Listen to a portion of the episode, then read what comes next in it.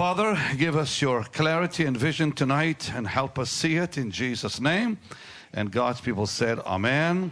All right, Jeremiah 33, verse 3 Call unto me, and I will answer thee, and I will show thee great and mighty things which thou knowest not. I want to show you tonight how to have victory and power in prayer, how to have a truly glorious life of prayer. Because it's time, it's time you take your body and put that body under subjection. Call unto me, I will answer thee. Now, God has made a very clear promise here and show the great and mighty things, which means prayer always brings vision.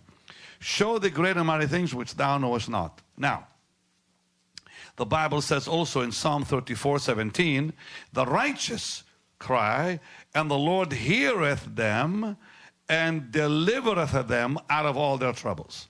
Psalm 34 17, the righteous cry. Say the righteous. righteous. Now, that doesn't mean that God Almighty, please hear this. I know uh, maybe I may get in trouble here, but I don't really care. It doesn't mean that God hears every prayer. He hears the prayer of the righteous. He doesn't hear the prayer of the wicked until they get saved or repent. Jerry Falwell got in serious trouble years ago when he said God doesn't hear the prayer of the, of the, of the sinner. Well, he's right. It's in the, in the Bible. He hears the prayer of the righteous. And when the sinner repents, God will hear that prayer. That God does not answer the prayer of the sinner. If you're living in sin, God will not hear you. Even David said, Come on, if I regard iniquity in my heart, the Lord what? Will not hear me. Well, you got a bunch of people out there that regard iniquity and like it. So, the righteous are heard. Say the, say the righteous. righteous. Say, God, God, hears my prayer, hears my not the prayers of the wicked. That's what the Bible says, so we stick with the Bible. No, no worry what the world thinks about this. Who cares what they think? The righteous cry, and the Lord heareth and delivereth them out of all their troubles. Now, the Bible says that the wicked don't really pray at all. In fact, I want to show to you in Job 21. Come on, let's go to Job 21. Anybody that thinks that the wicked pray, you're mistaken because the Bible says they don't. No wicked person will ever pray. Oh, they may look at some idol, they may do some dumb, dumb thing, they may repeat something thinking whatever, you know, people do all kinds of crazy things that are completely demonic. Repeat a sentence till demons show up, whatever. Job 21, verse 7 makes it very clear on the screen, please, if you, if you don't mind. I want to read uh, Job 21, 7, and then we're going to read from verse 14 right through 21. Wherefore do the wicked live, become old, yea, and mighty? But look what it says in verse 14. So it's talking about the wicked. Therefore they say unto God, Depart from us we desire not the knowledge of your ways. The wicked don't want anything to do with God. The wicked, we just read in verse 7, here's what they're saying in verse 14 and 15. They say, What is the Almighty that we should serve him? What profit should we have if we pray to him? Who are saying these words? The wicked. So the, the wicked don't pray. They don't want to pray. They have no desire to pray. Now, I'm going to get, get back to that portion in just a second. But why do they not pray? Why do the wicked not pray? Look at Job 15, verse 4. We're going to go back. We will go back to Genesis 21, 14 through 21 later in just a few moments. But I want to show you and prove to you that those who are wicked don't pray. They may utter words, but they don't pray. The big difference between uttering words and praying. A lot of folks go into churches, light candles, and oh God, help me. It's, it's, it's, it's, it's not a prayer, it's just words. Hello. Are you listening? Let me light a candle for somebody who's dead. Is that prayer? No, they call it prayer, but it's not prayer. It's idolatry. It's the worship of the dead. Come on. That's all it is. So, Job 15, verse 4, on the screen, please. On the screen, please. Job 15, verse 4. Yea, thou castest, God is talking to the wicked. Yea, thou castest off fear and restrains prayer before God. So, why do these wicked uh, people not pray? Because they don't fear God. It says so. You cast off fear. You don't want to fear God, so why pray? Then in Job 27 10, they don't pray because they have no delight in the Lord. They have no delight in the Lord. And that's Job 27 10. Anyone who doesn't pray doesn't fear God. Anyone who doesn't pray does not delight in God. So Job 27 10, and he delights himself in the Almighty. Will he delight? Excuse me. Will he delight himself in the Almighty? Will he call upon God? I'm going to read that in the in the King James version. I don't know what translation you guys are, are putting up back here.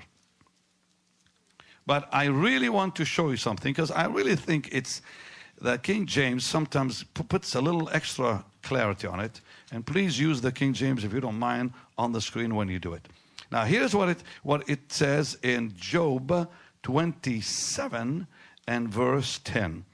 Because I want you to see this I'm, I'm going to go back to verse 8. What is the hope of the hypocrite, though he hath gained? When God takes away his soul, will, will, will, will God hear his cry when, when trouble comes on him?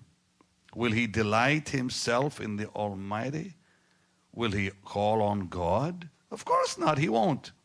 Because the scripture says very clearly they don't fear him, nor do they delight in him, because that's a question. Will he really delight in God? Though the wicked don't delight in God at all.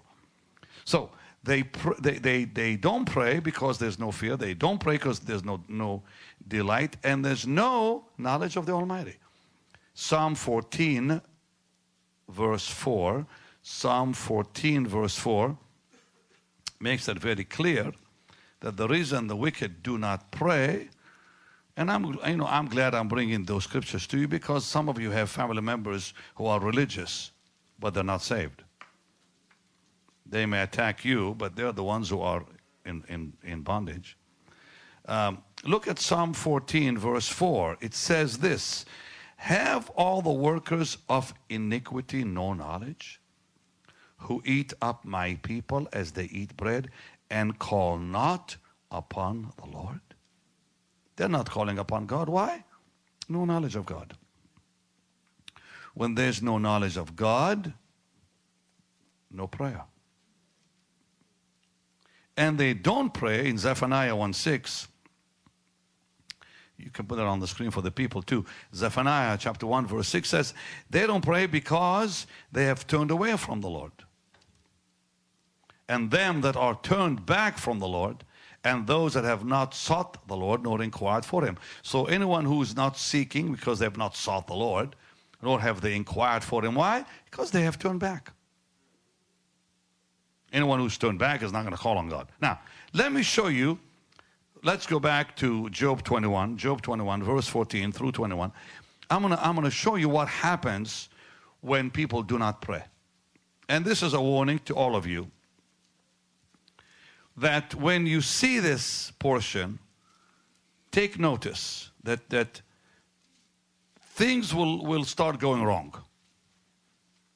So, Job 21, I want to begin reading at verse 14, and I want you to pay attention to what the Bible says. Therefore they say unto God, Depart from us, for we desire not the knowledge of thy ways. The wicked says, What is the Almighty that we should serve him? What profit we have do we have if we pray to him? Now look at the results of no prayer in somebody's life the wicked or whoever else decides not to pray. Verse 16 Lo, their good is not in their hand. The counsel of the wicked is far from me. Now, this is a powerful verse. It says, when someone doesn't pray, he'll never receive counsel from God. Meaning, they have no direction. God does not show them how to live life. They make mistakes all the time. They're always getting in trouble because of wrong decisions. When people do not pray, I'm going to say it, some of you may not like this, they marry the wrong person.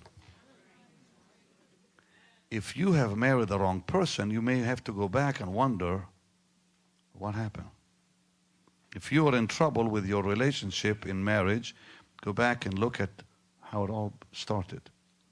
Did you really seek God? You know, it's so sad. Uh, people, uh, when they buy a car, they test it way more than they test the girl they're going to marry. They drive it more, they look at it more, they check everything, and they jump into a relationship like that. The Queen of England finally came uh, to a decision after she had her own children divorced that she told uh, her grandchildren that she will not allow them to marry until they court whoever they want to marry for five years. They said, only after five years I'll tell you yes or no. Because that's just because she learned her lesson. She saw what happened to all the, the, the other children. You rush into it, you never look and seek God, what happens to you? Mm-hmm, you know. When you pray, God will show you what to do. God will show you even when you don't ask Him to show you, because you're a man of prayer. He'll give you a dream and warn you. He'll have someone come and say to you, The Lord gave me a word for you. Don't do that because you're a man or woman of prayer.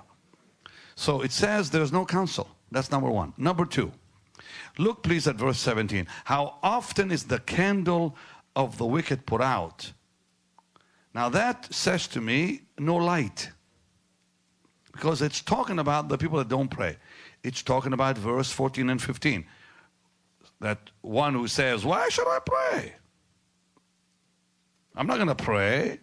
So now there's no counsel because of that. And number two, verse 17, there's no light. They're in darkness. They are in continual darkness. They can't see what they're doing, where they're going. Number three, it says, and how often comes their destruction. That means no protection,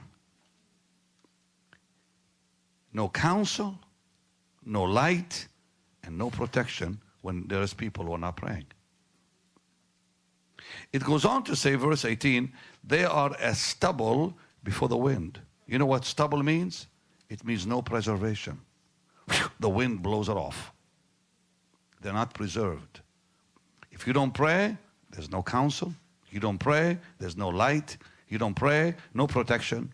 And no prayer means no preservation. You will not be preserved. Something will go wrong in your life. Now it says in verse 19, let me just finish reading verse 18. They are as stubble before the, before the wind, as chaff that the storm carries away. And there's no preservation. It blows them right off. Now, verse 19, for God layeth up his iniquity for his children. Well, now this is scary. He rewards him, he shall know it. You know what that, that means? That means no forgiveness for his own family. That means judgment will come on his family for his own sins. That's frightening. There's no forgiveness for his children, meaning no forgiveness even to for him too. God lays up his iniquity. It means God will not forget what the guy did for his children. Now, wait a minute. In Ezekiel and other parts of the Bible, God says he will not judge the children for the sins of the parents, but he does when they don't pray. I just woke you up. He does when they don't pray. Oh, brother. I'm going to say something, you won't like it.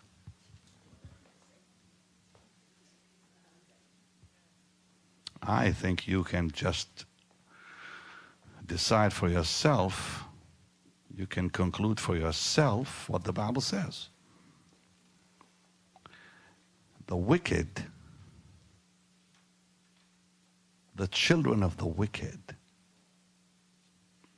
bear the responsibility because it's generational. Are you people listening?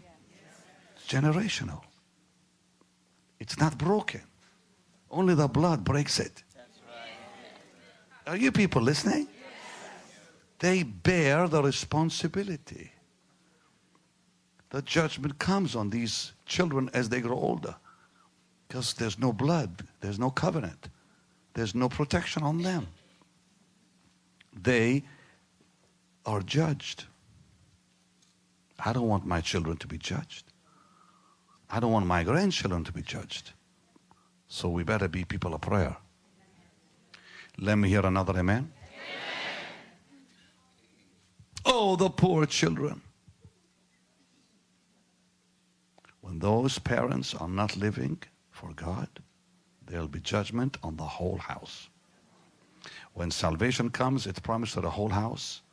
And when judgment comes, it touches the whole house. Are you people listening? That's all Bible. Go check me, check me out. When God comes to visit, He brings salvation and blessings to the whole house. Even if the children are not saved, they will be saved eventually because the parents are under grace. The umbrella of grace is over the family now because of the parents. David, when you got saved and your wife got saved, it, that immediately you became the cover. The blessings of God came on your children, even who did not know the Lord at the time, even when they were little and could not know the Lord by themselves. They came into the knowledge of God because you were blessed by His grace. Louder.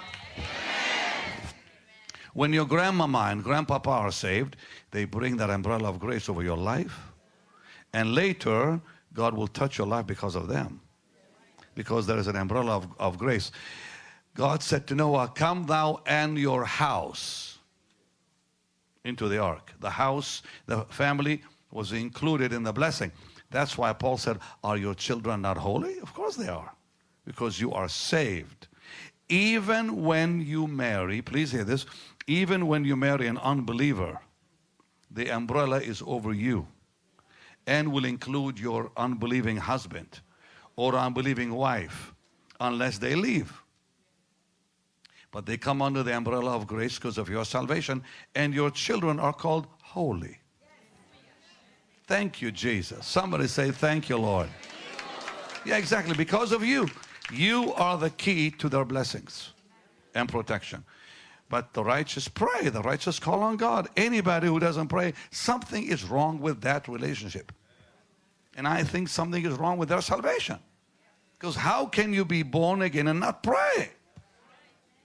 You will call upon, oh yeah, you're going to miss a day here, miss a day there, stumble here, stumble there, but you will pray. Eventually, you'll call upon the Lord. Something will happen where the Holy Spirit will convict you. But I'm trying to spare you that you don't have trouble while you do nothing about it. God wants to bless you continually. Say amen. Now, I'm going to show you something. Well, no, let me finish this. I'm going to then I'm going to show it to you because it's quite powerful. Now, let me just go on and finish this because it says in verse 20, his eyes shall see his destruction. Now, wow, not only is there no forgiveness, there's no mercy. His eyes shall see his destruction. He shall drink of the wrath of the Almighty. That's the guy that doesn't pray. There's no mercy because he sees destruction and wrath. And finally, verse 21 What pleasure hath he in his house after him when the number of his months are cut off? This tells me no blessings on his descendants. The children will not reap the blessings of the parents because they hadn't prayed and sought the Lord. So, this kind of should wake people up to the importance of prayer.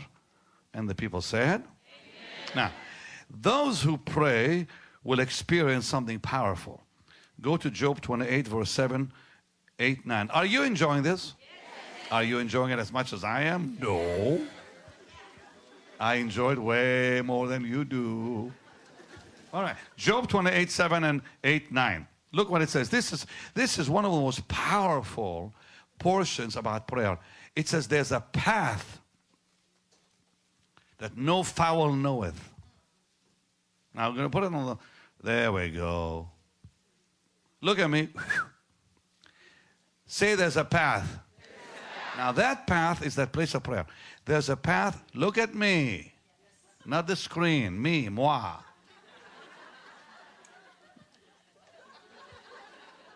There's a path no fowl knows and no vulture's eye has seen. Meaning, meaning, the devils don't know where to find it. No fowl knows it. No vulture's eye has seen it. It's called the hiding place. Listen here. When you find God, the devil cannot find you. That's when the devil cannot find me. You got it. Because God's presence is a hiding place. Hiding place means protection.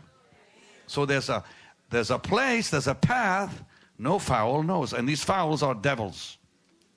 No vulture's eye has seen it. No lion has passed by it. Lions are, again, here symbolic of devils.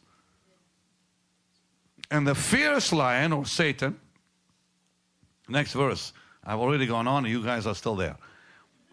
The lion's whelps have not trodden it, or the fierce lion passed by it. Meaning, no devil, not even Satan himself, knows how to find the praying man or the praying woman. Hallelujah. Did you hear what I said?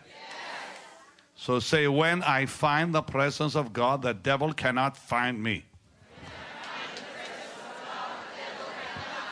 You got it. Ah, you bet. Because that's what it says. It says there's a path, there's a place. No fowl knows it. No vulture's eyes has seen it. No lions have even come by it. Not even the fierce lion himself, not even the devil knows where to find it. What is that place? It's the place of prayer. Because it goes on to say, the next verse, please, the next verse.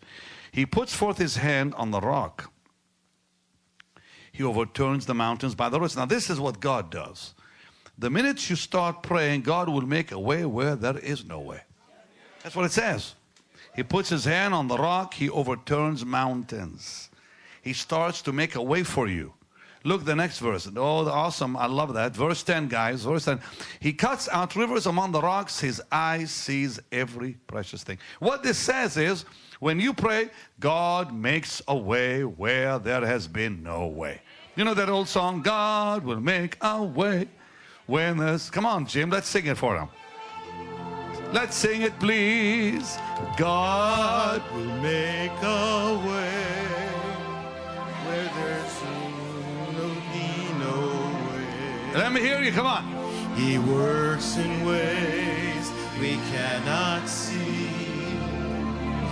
He will make a way. Way for me,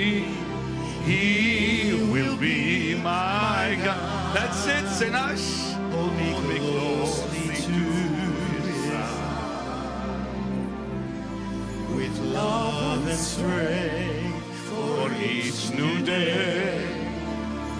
He will make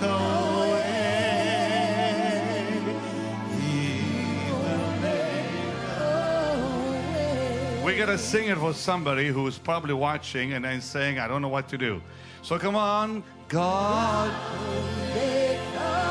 Lift your voice so they can hear you.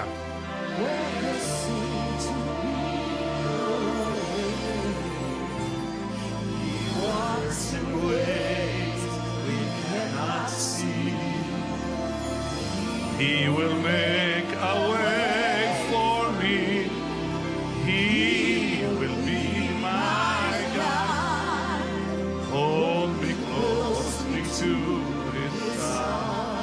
Sing with love and strength for each new day. He will make a way.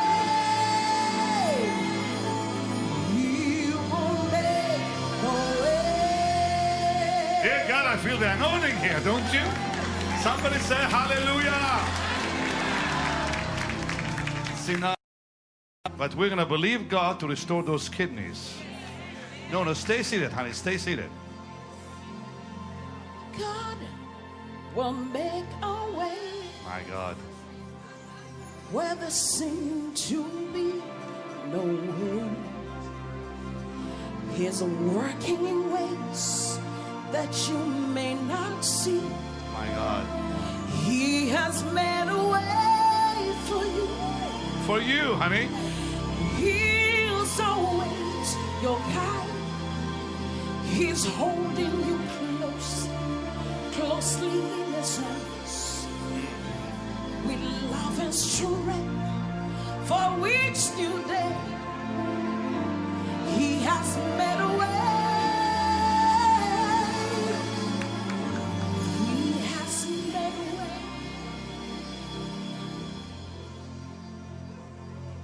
On Saturday, I was in her home with her children. These are all her kids. Wave kids. And the mama came too. The mom is here. All of you guys came. And I went and had communion with them on Saturday in her home. And the power of God hit her and hit her mommy and some of those kids. And I said, You try and come Monday. So they drove a long way, got, get, got caught in traffic, didn't show up till about 8. And uh, I'm just, I knew, everything in me knew, God is going to fix those kidneys. And God's going to, she's crying here because she needs a miracle. So would you sit next to her and sing it again to her? I just felt that by the Spirit right now. Sometimes when God says do something, you obey, you know? Come on, lift your hands and pray for her while, while Sinach sings to her that faith song. God has made a way My God. where there seemed to be no way. He works in ways that we cannot see. He has made a way for you. He will be your guide. He is holding you closely, closely in his arms with love and strength for each new day. He will make a way. He has made a way. Hallelujah.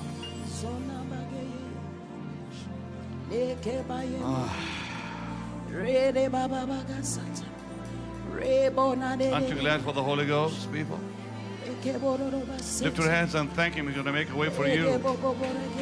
Whatever problem, whatever sickness, whatever matter is in your life, I promise you, God is going to make a way for you. Come back, Sinach, honey. Come back to your seat. I just, the Lord just said, do it now. Doesn't matter that I'm teaching, all that can wait. I felt the anointing when you began singing over her. Did, did you guys feel the same thing? Jeff will go probably a little longer tonight, so we'll just play it by ear as they say. Hallelujah. The Word of God tells us in Job 28, verse 9, just one more time that verse, please. Verse 9. He puts forth his hand upon the rock, he overturns the mountains by the roots. Wow. Think about God doing that for every, every one of you sitting here tonight. And all you have to do is call upon the Lord. Those who pray will experience Proverbs 27 12. In addition to this amazing miracle where a way is made for you to come out of that problem you're in when you pray, when you call upon the Lord Jesus. And, and I'm going to say something to you. You know, because we've heard it said, well, there's power in prayer. No, there is no power in prayer. The power is when we seek Jesus. Because all kinds of people pray, religious people pray, other religions pray. There's no power. Uh uh But when you seek the Lord, there is power. Did you see the difference? How many understand what I said and you see the difference? Because when people say, well, there's power in prayer. No, no, there's no power in prayer. Because a lot of religions pray, a lot of heathens pray, a lot of unbelievers pray, whatever. It's seeking the Lord. That's what it means by power. When we say power in prayer, we mean when we seek the Lord. When we call upon the Lord. He said, Call unto me. He didn't say just say a few words that don't mean nothing. We call upon the Lord. That's true prayer. That's real prayer. And that, of course, there's, there's power in that, but let me clear it up. Prayer, true prayer, is calling upon the Lord. The name Jesus. Then there is power. So, Proverbs 27 12 says that when you have a life of prayer, God will show you things to come, and through that prayer, you can stop the evil and pray in the good. A prudent man foreseeth the evil and hides himself. Hides himself mean he, he'll, he'll pray. But the simple pass on and are punished. Meaning what? Meaning, now look, look, look at me, all of you. Every one of you will have dreams from heaven. Or you'll have a vision that's very clear of something evil coming. When God shows it to you, He wants you to pray to stop it. So it says, when a prudent man, when a, wise man sees evil, he will hide himself, he will pray. But the simple, the one who just doesn't care to pray, he'll just ignore it, he'll pass on. That's what it means. Pass on, he'll ignore it. But he's, he's punished. Why? Because God showed him the evil coming. He didn't do a thing about it, so the evil came. Whenever you have a dream or an impression, or call it a feeling in your guts that something bad is coming, immediately pray that God will not let it come. Now, when you see something good, you pray that it will come. So, Daniel the prophet read the book of Jeremiah and saw that 70 years are now over. So, he prayed that Israel would come out of Babylon. So, I want to say this never forget these words. Prophecy always is fulfilled in prayer. We have to pray to fulfill it. Prophecy is not fulfilled by itself. You pray it, and then it'll be fulfilled. That's why Daniel prayed, then it was fulfilled. Now let me let me let me give you another word here. And this happens a lot in our day because people are immature and foolish. They come to you with a prophecy. God is going to destroy you. Oh, really? The word of prophecy is for edification, exhortation, and comfort. It's not for destruction. But when somebody comes with a word, well, God showed me you're going to die, you have to immediately break it. Break it with your mouth. You have to say, you have to say, you have to say, I break it in the name of Jesus. So the Bible says, No weapon formed against you will prosper, and every tongue that will arise against you in judgment, you must condemn. You condemn not by thinking it, you condemn it by saying it. If you don't condemn it, it will happen.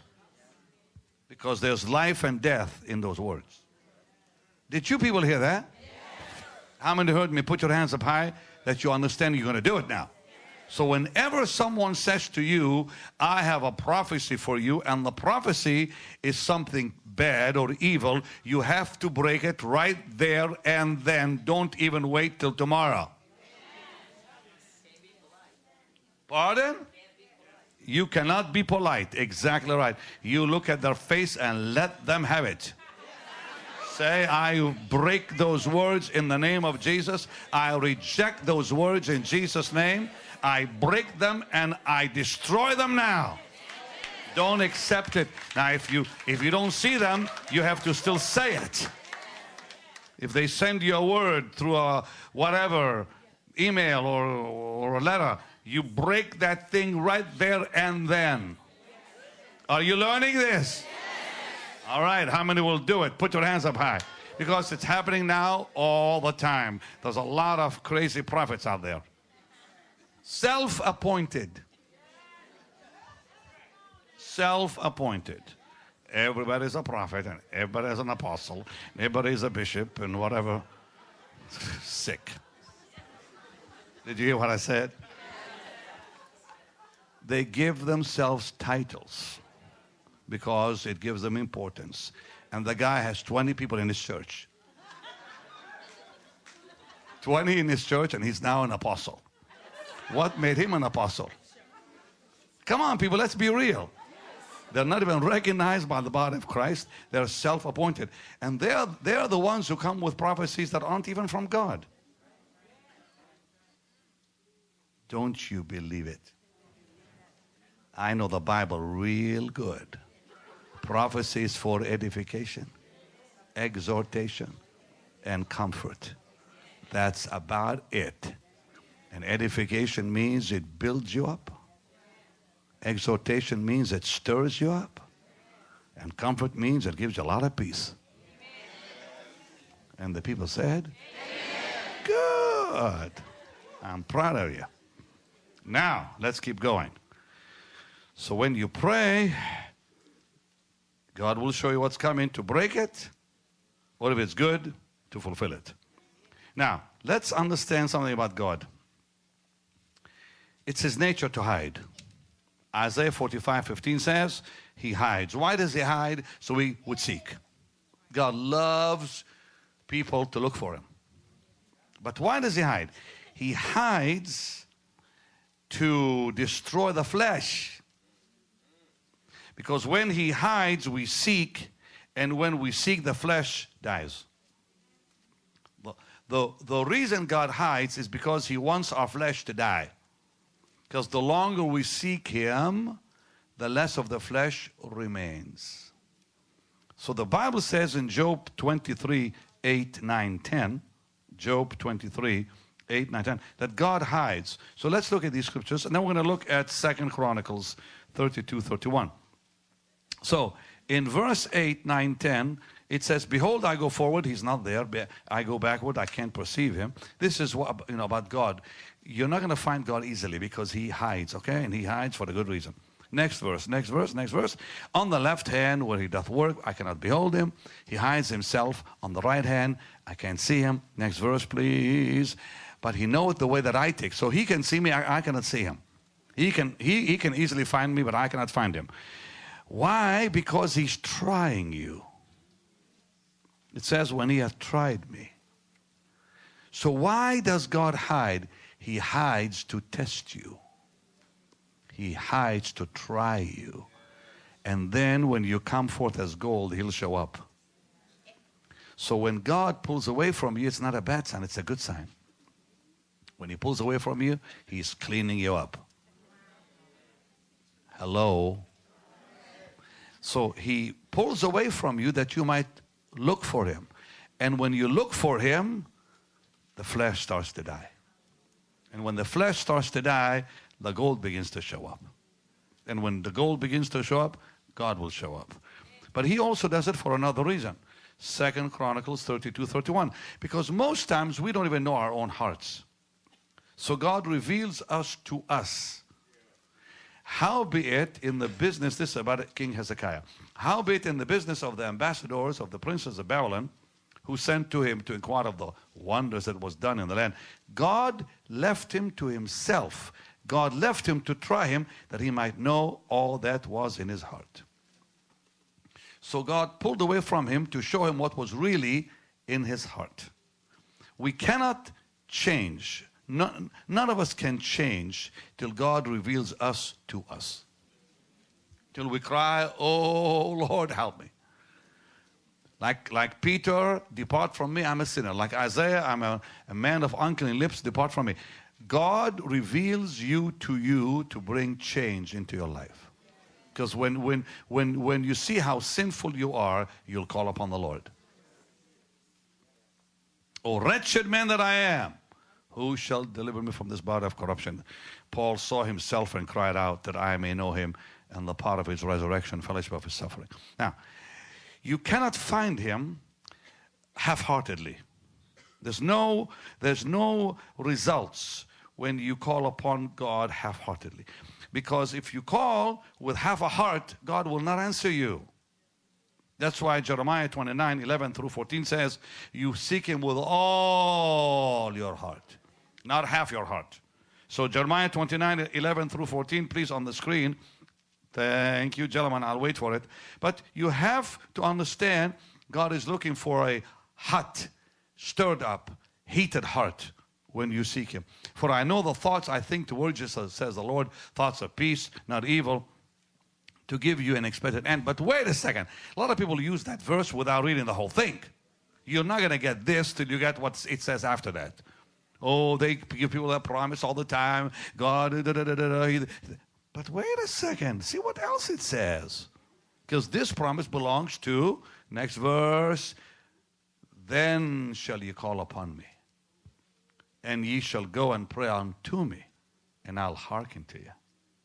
So you can't have verse 11 without verse 12. And then verse, the next verse 13, and you'll seek me and find me when you search for me with all your heart, not half-hearted. And then verse 14 says, I'll bring out of your bondage. I'll be found of you. I'll turn away your captivity. I'll gather you from all the nations and so forth. And I'll bring you out of bondage from captivity. So you cannot find God with a half heart, only a full heart. And the scripture says clearly, the effectual, fervent prayer of the righteous avails much. That's James 5 16 through 18. So we have to pray. When we pray, we pray with persistent. We want to see results, and we must be consistent to prevail because we cannot faint. Now, I'm going to show you something. If I may please have an empty glass from somewhere empty glass. I got to show you this because I think it really gets to you. Now, I'm going to tell you something I found in my experience, and I also find it in the life of saints I've read about. Tim, come here. You stand here with me. What, by the way, I'm so glad your mom and dad are, are here. Look how sweet they both look. Anyways, it, and you asked me why 21 days, right? In the car. Okay. I have found that it takes me 21 days to really find full power. So when I pray, I have to pray daily for 21 days be, before my cup runs over. So here is the way it works. When I pray, can you hold that mic for me? When I pray, the power of God begins to drip into my heart like that. Daily. It must be daily contact for this to happen. So just think that for three weeks, every day, God just puts a little more in my life. Now, now I'm going to show you something quick. And eventually, it, my cup will be full in about 21 days, right to the brim. Now, when, when it is to the brim, I'm flowing now. I'm not pumping. I don't have to try. I just whisper Jesus and he's there. Wait now. Bring that uh, something, bucket, plant, anything, anything back there. Uh, I think this will do right here, Timmy. This looks like it doesn't have anything on the bottom. Oh, yes, it does. Oh, perfect. Now, if I miss one day, it took me three weeks to get this. If I miss one day, I lose it all in one day. Ah, you got it the fullness is gone in a day. It took three weeks to get it and one day to lose it. So be careful. Neglect has a very high price. How many got that? Put your hands up high. It took me three weeks of prayer to get to the brim, to full power. It took me one day to lose everything I gained because one day of neglect will cost me three weeks of prayer. Now it's going to take me another three weeks to get back to what I was. And every time I stop, every time I stop, I lose what I accomplished. Can I say that again? So let's say you've prayed for one week and then you miss a day. You just lost the week. Know, you go back now and you have to start all over again. Because you, you, you cannot regain what you gained in a week in a day. Think about how much you lost. Think about that. Just think about what I showed you. That's biblical fact. That's why the Bible says, don't faint. Don't give up. Jesus made that very clear in Luke 18, verse 1. He said, Don't stop, don't give up. Be persistent and be continual. That's why it says in Luke 11, daily prayer, daily bread, which is daily prayer. Give us this day our daily bread. Daily contact is one of the most powerful things I can talk about when it comes to prayer. That's what I just said to you earlier. I want to show you how to be victorious and powerful. How? Daily contact. Daily contact is your incredible secret of power. So, why do I pray daily? Because praying daily builds a substance in heaven on my behalf. So, when I pray, God pours into my life. He pours way more than I'm asking for. Because now, prayer, listen carefully, please.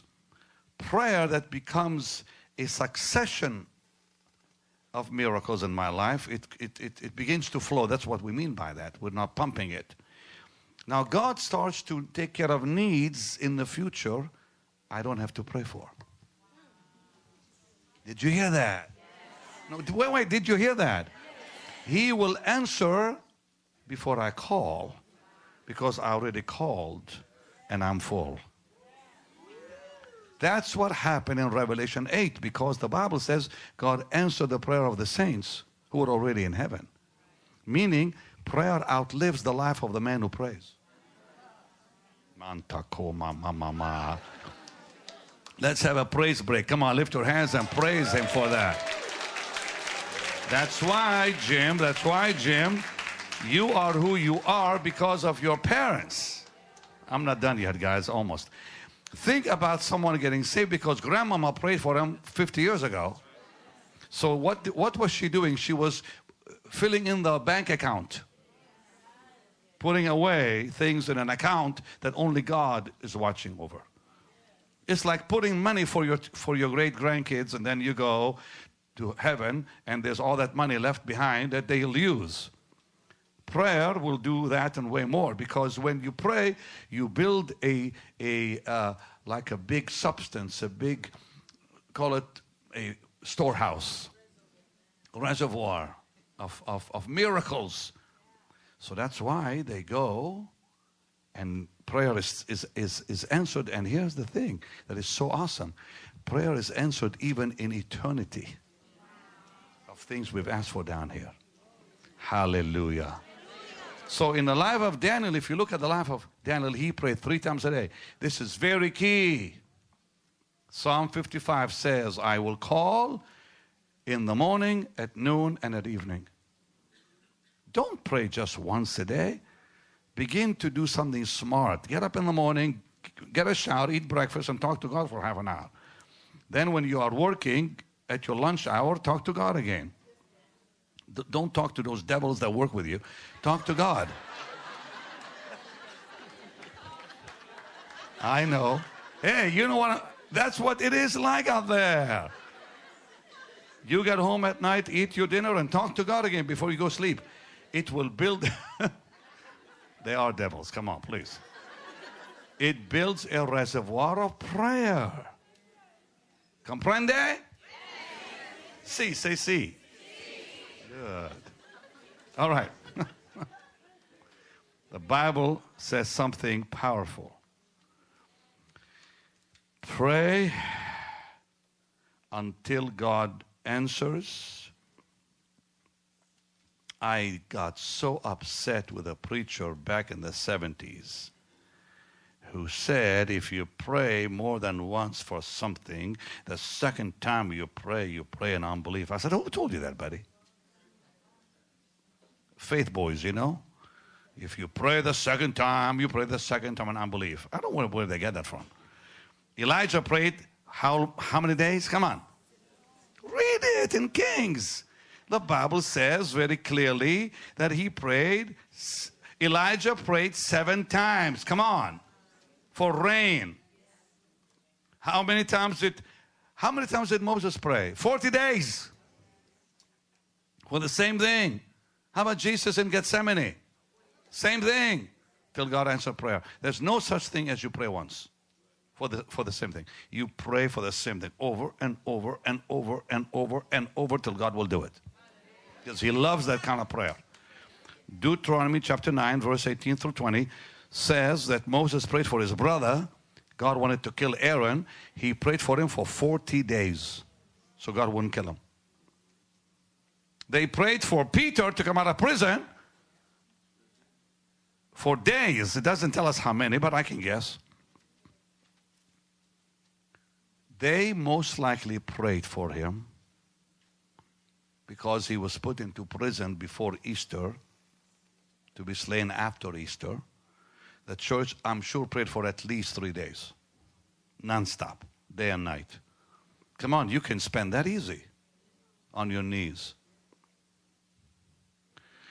The Word of God tells me, oh, this is marvelous, about the Syrophoenician woman who just won't stop asking the friend who came to his friend at midnight who wouldn't stop asking, the lady who came to the wicked judge didn't, didn't stop asking because they, they understood.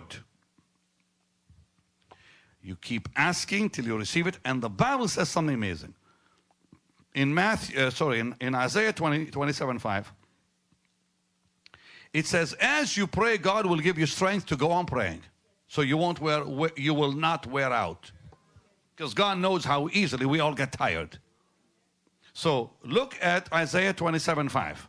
Well, Benny and I can't pray because I wear out so fast. Well, the Bible says God will give you strength if you, if you hold on. Let him take hold of my strength that he may make peace with me, and he will make peace with me. But it says, take hold of my strength, not your own strength. So when you call upon the Lord, he'll give you strength. They that wait upon the Lord shall renew their strength. You got it. The Bible says our inner man is strengthened. Ephesians 3:16, he'll strengthen your inner man. That's how God does it. And now because you have sought him and will not stop seeking him, God will literally do something amazing with you. Look at Isaiah 30 verse 18. This is awesome. Isaiah 30 18. I'm almost done. Almost done now. Yay! My goodness, Ellen just jumped. God bless Ellen. How can he be so calm? Say hallelujah. hallelujah. All right, look what it says. Therefore, will the Lord wait that he may be gracious. So when you pray, God wants to be gracious to you, but he's waiting for you to call on him. Therefore, will be exalted that he may have mercy on you. For the Lord is a God of judgment. Blessed are all they that do what? Wait. But he wants to be gracious. God wants to be merciful. God wants to bless your life, but He can't because you're not praying. But when you do, He'll do exactly what He's been wanting to do in your life. I love this. Psalm 42, 7 and 8. And then we're done almost. It says, When you seek the Lord, He will fill you with such power and glory Psalm 42, 7 and 8, please. He'll fill you with such power and glory. Deep calls unto deep at the noise of thy water spouts, because there you're calling by the Spirit. All thy waves, thy billows are gone over me. Next verse is awesome. Where the Lord, because of that call, will command his loving kindness in the daytime, in the night, his song. Because you've been praying to the God of your life. God has filled you with such glory, you can't even sleep. You worship even while you're sleeping. Wait, wait, wait. You worship while you're sleeping. Your eyes are closed, you're sleeping, and you're worshiping. And your wife says, Are you awake? And you're worshiping. Or your husband says, Are you okay? And she's worshiping. She's worshiping because she's been all filled up that now the spirit of, of man is in action. Hello? I know what happens when someone reaches the brim, the fullness of prayer, because I've seen, I've seen it happen. My own life, Suzanne's life, when she behaves.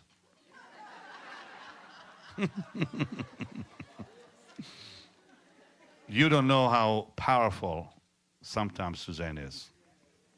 Very powerful.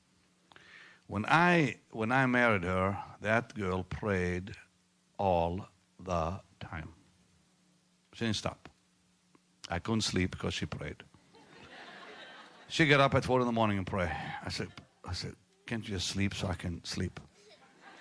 No, she said, my best time of prayer is 3 a.m. I said, why 3 a.m.? Why must you pray at 3? Like, can't you pray 3 in the afternoon?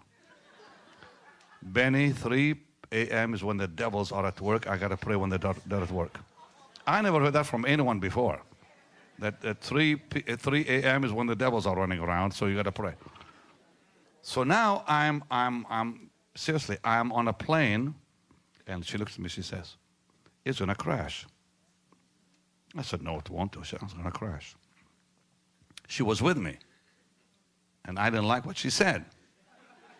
But she knew it was going to crash, and it crashed. And when I pulled her body out of that plane, was a Cessna one engine back in Florida, 1984, uh, sorry, 83, April 83, single engine Cessna, a place called Avon Park, Florida. I never forget that. And I pulled out Suzanne out of that, that plane. She was knocked out, bleeding everywhere, and praying in tongues. She was praying loud. And I said, Are you okay? Are you okay?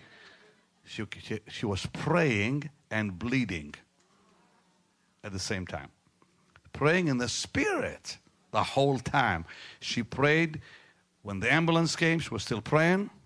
When they put her in the ambulance, she was still praying. She wouldn't respond to me. I said, Sue, Sue, I kept checking her. She, she was gone, gone, gone. She was t- completely knocked out praying in the spirit the whole time. Ladies and gentlemen, I'm here to tell you she prayed for five hours in the spirit and didn't stop. She was praying when, we're, when, when they took us to the hospital. And later I said, How did you, like, you don't remember? She said, No. I said, You, I said, you prayed the whole time. While the ambulance is there, or the, they, they're doing their thing, and you're praying. I said, They, they, were, they, were, they, they were putting stuff in her arm and sewing it back, and she's praying. I said, You were praying when they were sticking needles in you. I don't remember. I said, Well, I should. I was there. I'm telling you, people, there is a place of quiet rest. Even when there's trouble all around you, there's quiet rest in there.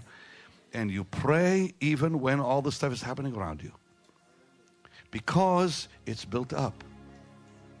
You've reached the brim and now it's flowing. Remember what I said earlier? You start to flow. Come on, lift your hands, say, Lord, I'm ready for that ready to flow where you pray when you're not even awake. You worship when you're even, even awake. Because that's in the Word of God when He said, I'll give you a song in the night. Oh, you're playing my one of my favorites, Jim. Near to the heart of God, a place where sin cannot molest near to the heart of God. Wow, I love